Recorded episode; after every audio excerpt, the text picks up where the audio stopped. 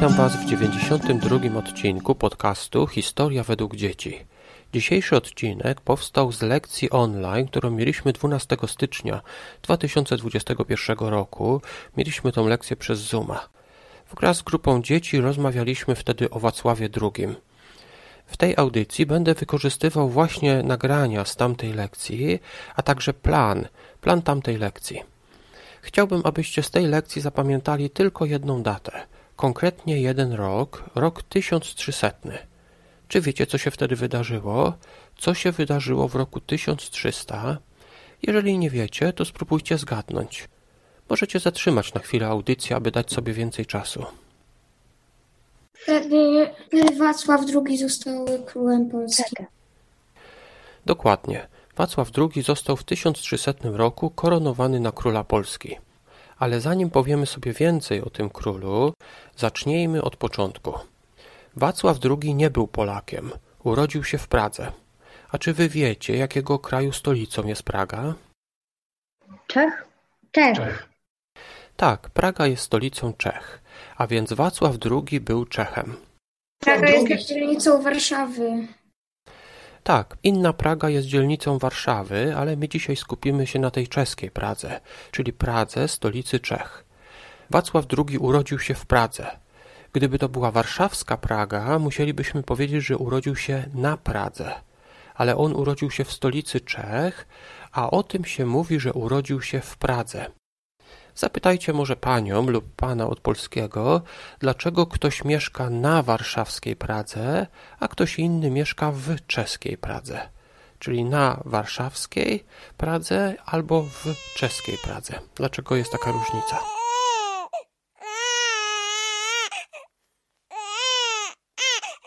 Wacław II urodził się w Pradze w 1271 roku. Gdy miał 7 lat, stracił ojca. Był wtedy rok 1278 i doszło wtedy do bitwy pod Suchymi Krutami. Była to jedna z największych bitew średniowiecza. Prawdopodobnie o niej nie słyszeliście, bo ona nie dotyczy Polaków. To walczyli właśnie Czesi z Niemcami. Właśnie wtedy zginął Przemysł Otokar II, czyli ojciec Wacława II. Śmierć ojca oznaczała, że teraz królem Czech zostanie właśnie Wacław II ale jednocześnie dostał się on do niewoli. Jego ojciec walczył z Niemcami i teraz właśnie Niemcy zabrali Wacława do Berlina. Był tam w więzieniu przez pięć lat. Jego ojciec zginął, matka została w Pradze, a mały Wacław był trzymany samotnie. Przez ten czas tej niewoli, przez te pięć lat, nauczył się dobrze mówić po niemiecku. Niestety nikt nie nauczył go czytać i pisać. W tamtym okresie stał się też bardzo przesądny. Czy wiecie, co to znaczy być przesądnym? Że wiesz, że ktoś coś e, powie, na przykład, że czarny kot e, będzie przyno przynosi pecha i on w to uwierzy i nie będzie i na przykład chciałby mieć kota, ale na pewno nie czarny. Wacław był małym chłopcem, który mieszkał bez rodziców i bał się wielu rzeczy. Czego szczególnie bał się? Burzy, ciemności, miauczenia kotów i po prostu kotów. Mały Wacław bał się ciemności, bał się burzy oraz bał się miauczenia kotów. Szczególnie chyba to ostatnie jest dziwne dla nas. Co jednak robił Wacław II podczas burzy? Wacław II, gdy była burza, wchodził do relikwii. Tak, ten król bał się y, tych rzeczy jako dziecko, ale bał się tego także jako dorosły. Później już jako król miał skrzynię, w której trzymał relikwie. Gdy była burza i bardzo się bał, to wchodził do tej skrzyni, bo tam czuł się bezpieczny. Ale co to są relikwie? Relikwie to kawałki ciał osób uważanych za święte lub przedmioty, które używały te osoby uważane za święte. Ale dlaczego bał się burzy, dlaczego bał się miauczenia kotów, dlaczego bał się tych rzeczy? Bał się, ponieważ był przesądny. Inną rzeczą, która wyróżniała Wacława II było to, że chciał osiągnąć dwie rzeczy naraz. W jego czasach ludzie mieli takie dwa ideały, takie dwie grupy osób, które były podziwiane. Podziwiano świętych oraz podziwiano rycerzy. Wacław II chciał osiągnąć obie te rzeczy. Chciał być zarówno sławnym wodzem, na przykład tak jak Aleksander Wielki, ale chciał też zostać świętym. A jak wy myślicie, czy można jednocześnie być świętym i podbijać inne narody? Ja tak sądzę, że raczej nie, Krzacy! żeby chrześcijaństwo zaszczepić. Mhm. Tak, krzyżacy tego też próbowali. Oni byli mnichami, którzy podbijali inne narody. No, że to było. Krzyżacy, no właśnie też e, podbijali te państwa i tam szerzyli krzy- chrześcijaństwo, tak samo jak e, Hiszpanie, którzy dotarli do Ameryki. Jak myślicie, czy ludzie, którzy podbijają, którzy napadają na inne narody, mogą zostać świętymi? Raczej nie wozawijali. Wacław II jednak tego próbował. Zgromadził on wielką armię i dołączał do swego królestwa kolejne narody. Jednocześnie jednak wygolił sobie głowę jak mnich i w niektóre dni słuchał nawet po dwadzieścia mszy. To było około dwie msze na godzinę. Ale tak się nie da, bo dzień ma 12 godzin, więc a msza trwa około godziny, więc Być może myślicie, że tak jak dzisiaj msza trwa około godziny, więc trudno byłoby wysłuchać tylu mszy. Pamiętajcie jednak, że w średniowieczu nie było jednego wzoru dla mszy. Wacław II żył na przełomie XII i XIII wieku, a pierwszy wzór mszy pochodzi dopiero z XVI wieku, z Soboru Trydenckiego, gdzie ustalono jak ma wyglądać tak zwana msza trydencka. Różnice, jeżeli chodzi o mszę w średniowieczu, to nie tylko czas, były krótsze, ale także ustawienie kapłana, który stał przodem do ołtarza, a tyłem do wiernych. No i oczywiście tamte msze były po łacinie. Wacław II ożenił się w 1285 roku. Miał wtedy 14 lat, jego żona Guta von Habsburg też miała 14 lat. Jednak po ślubie ojciec Guty, który był królem niemieckim, który pokonał wcześniej ojca Wacława, zabrał swoją córkę z powrotem do Niemiec. Po co więc zawarto to małżeństwo? Po co się w średniowieczu żenili władcy? Mieszko I na przykład się ożenił z królową e, Dobrawą po to, żeby Czechowie nie mogli ich zaatakować, bo byli wrogami i żeby e, nie mogli zaatakować, bo tam mieć czeską królową. Tak, władcy, książęta, królowie w tamtych czasach nie żenili się z miłości. Żenili się po to, aby mieć taki pokój, aby zawrzeć pokój z kimś. Dla korzyści bardziej dla sojuszy.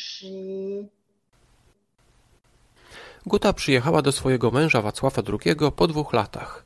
Był rok 1287 i oboje mieli po 16 lat. I mam teraz dla was takie zadanie z matematyki. Guta przez 9 lat co roku rodziła dzieci. Najczęściej rodziła jedno dziecko, ale raz zdarzyło się, że urodziła bliźniaki. Ile dzieci urodziła Guta? Przypomnę jeszcze raz, rodziła dziewięć razy, ale raz urodziła bliźniaki. Ile razem dzieci urodziła? Dziesięć. Dziesięć. Dziesięć. Guta von Habsburg urodziła razem dziesięcioro dzieci. To ona doprowadziła do pokoju pomiędzy swoim mężem Wacławem II a jej ojcem Rudolfem, który był królem Niemiec. Ojciec Wacława, Przemysł Otokar II, walczył właśnie z ojcem Guty, z Rudolfem I. Później to właśnie Rudolf trzymał małego Wacława w niewoli w Berlinie. Być może tam poznał Gutę. E, Gdy więc córka Rudolfa, właśnie Guta, wyszła za mąż za Wacława, starała się dla niego o koronę czeską. Przez dziesięć lat starała się przekonać najpierw swojego ojca, Rudolfa, a potem swojego brata Albrechta. W końcu jej się udało. W 1297 doszło do koronacji Wacława II i jego żony Guty. Zostali oni królem i królową Czech. Niestety Guta bardzo źle się czuła po swoim ostatnim porodzie i umarła dwa tygodnie po tej koronacji.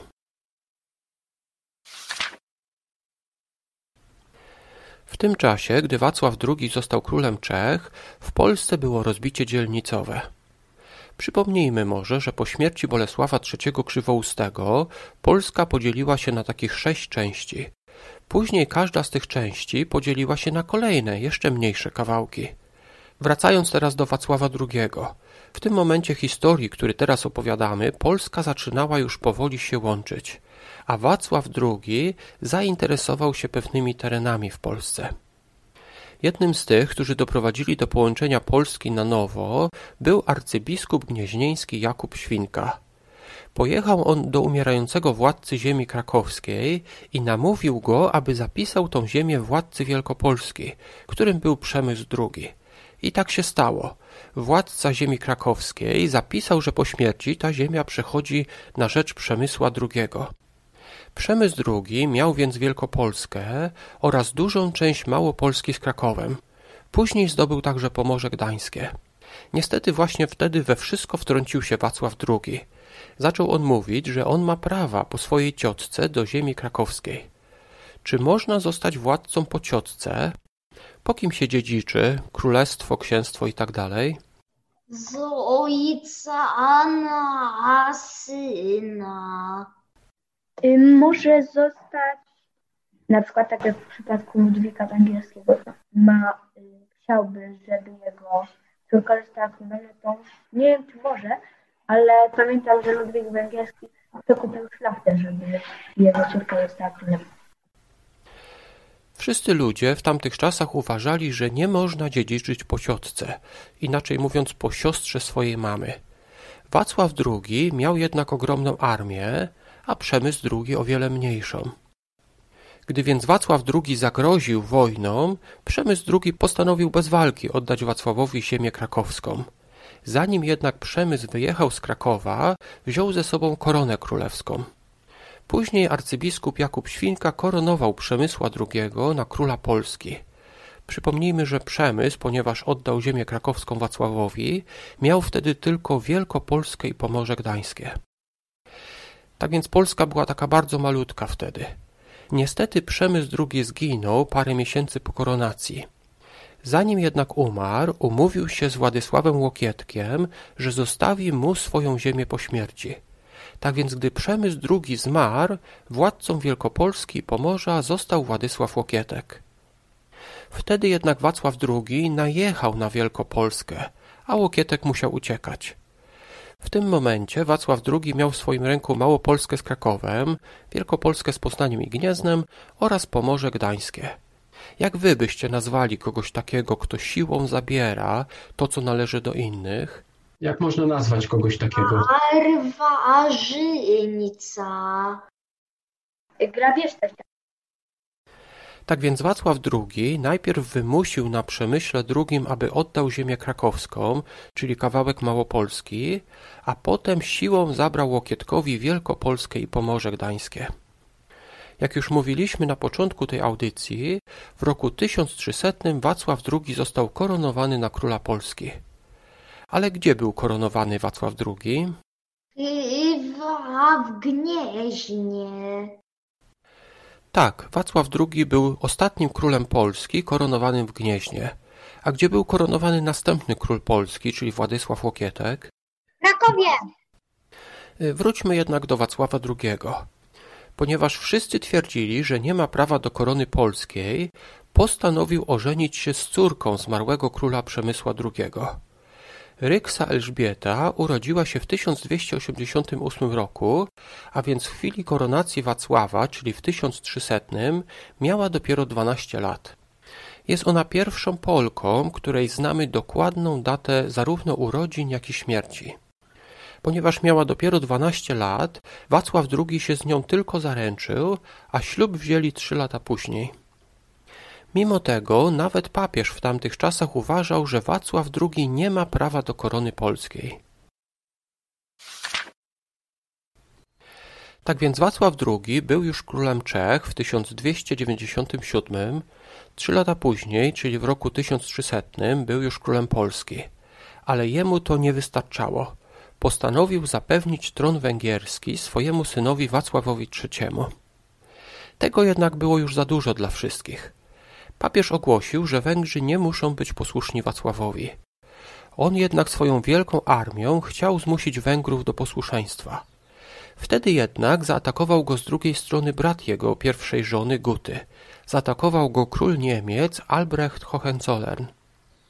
Gdy Wacław II walczył z Węgrami i Niemcami, do Polski wrócił Władysław Łokietek. Wacław II zaczął zbierać więc armię, aby wrócić do Polski i pokonać Łokietka, ale niestety dla niego właśnie wtedy umarł. Wacław II umarł na gruźlicę, a na tron po nim wstąpił jego syn Wacław III. On również zbierał armię, aby wyruszyć na Polskę, ale wtedy coś się wydarzyło.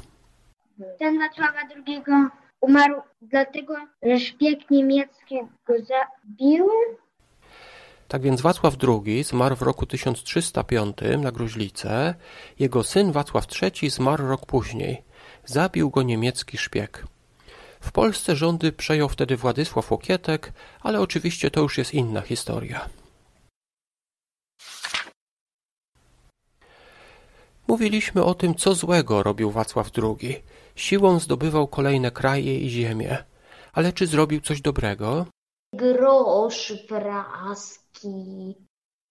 Wacław II wprowadził w Polsce monetę, którą nazywa się groszem praskim. Była to srebrna moneta. E, Grosz praski w naszych czasach to jest e, 250 zł. Grosz praski na dzisiejsze pieniądze to około 250 zł. Tak więc 4 grosze to około 1000 zł. Co można było za to kupić? Za chłopskie buty płacono wtedy właśnie 4 grosze. Kura kosztowała jednego grosza, miecz aż 70 groszy praskich. Ale najdroższe były książki. Na przykład Biblia kosztowała 1440 groszy praskich. Inaczej mówiąc, zamiast jednej Biblii można było kupić sobie 20 mieczy. Wacław II wprowadził też w Polsce pewien urząd. Ten urząd istnieje do dzisiaj. Czy wiecie jaki? Pierwsza, Prowadził starostę. Wacław II wprowadził urząd starosty. W czasach królów, gdy ludzie mieli jakąś sprawę, musieli jechać po decyzję do samego króla.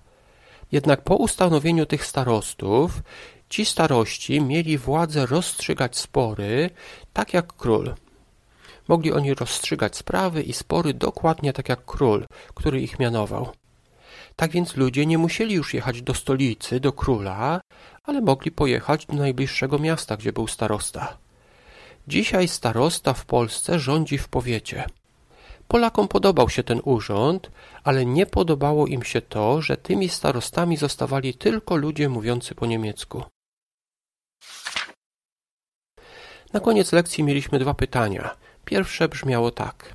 Jaka waluta była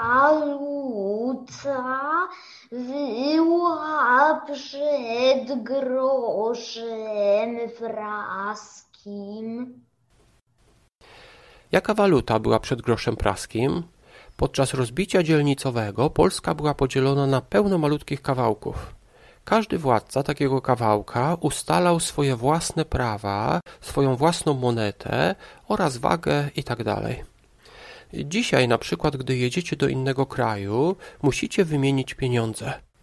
Czy jechaliście może kiedyś do jakiegoś innego kraju, gdzie musieliście właśnie zmienić pieniądze na pieniądze tamtego kraju? pieniądze. Węgier, A, furinty. W Polsce rozbitej na dzielnice trzeba było zmieniać pieniądze, gdy się jechało z jednego kawałka do drugiego. Było to bardzo niewygodne. Tak więc gdy Wacław II wprowadził jedną monetę, wszystkim bardzo się to spodobało. Tak więc mimo tego, że Polacy nie chcieli Wacława II, pozostawili monetę, którą on wprowadził. Później ten grosz praski zmieniono na grosz polski, który w zasadzie miał taką samą wartość. Różnica jest oczywiście taka, że grosz praski miał znaki czeskie, a grosz polski wprowadzony później przez Kazimierza Wielkiego miał znaki i rysunki polskie. Tak więc dzięki Wacławowi II Polacy mieli wspólną walutę, wspólne pieniądze we wszystkich częściach kraju. Drugie pytanie brzmiało tak. Za co Wacław II był w tym więzieniu? Za co Wacław II był w więzieniu? Król niemiecki pokonał jego ojca. Tak więc władza w Czechach przeszła na małego Wacława. Król Niemiec zabrał go jednak ze sobą do Berlina jako takiego zakładnika. To tak jak z Bolesławem Chrobrym. Dokładnie tak, jak wcześniej było z Bolesławem Chrobrym. Bolesław Chrobry też był zakładnikiem na dworze niemieckim. Ale ja słyszałem, że on nie został zabrany, tylko e, Mieszko I wysłał go jako zakładnika. Tak, sytuacja Chrobrego była trochę inna. Jego tata Mieszko żył i wysłał go na dwór niemiecki. Gdyby Mieszko nie słuchał cesarza, to Niemcy mogliby zabić jego syna. W wypadku Wacława król Niemiec sam zabrał małego Wacława do Berlina. W Pradze została jego mama, która była regentką, czyli rządziła w imieniu syna. Gdyby nie słuchała Niemców, to oni mogliby zabić Wacława, który był zakładnikiem. E, tak więc sytuacja Wacława jest trochę podobna do sytuacji Chrobrego, a trochę inna. Na dzisiaj to już wszystko. Podsumowując, Wacław II był synem króla Czech. Gdy jego ojciec zginął, małego Wacława trzymano w Berlinie jako zakładnika. Być może właśnie wtedy zaczął bać się burzy i kotów. Wtedy też pewnie się zniemczył, czyli zaczął częściej używać języka niemieckiego niż swojego czeskiego. Gdy później został władcą Czech, zaczął podbijać inne kraje.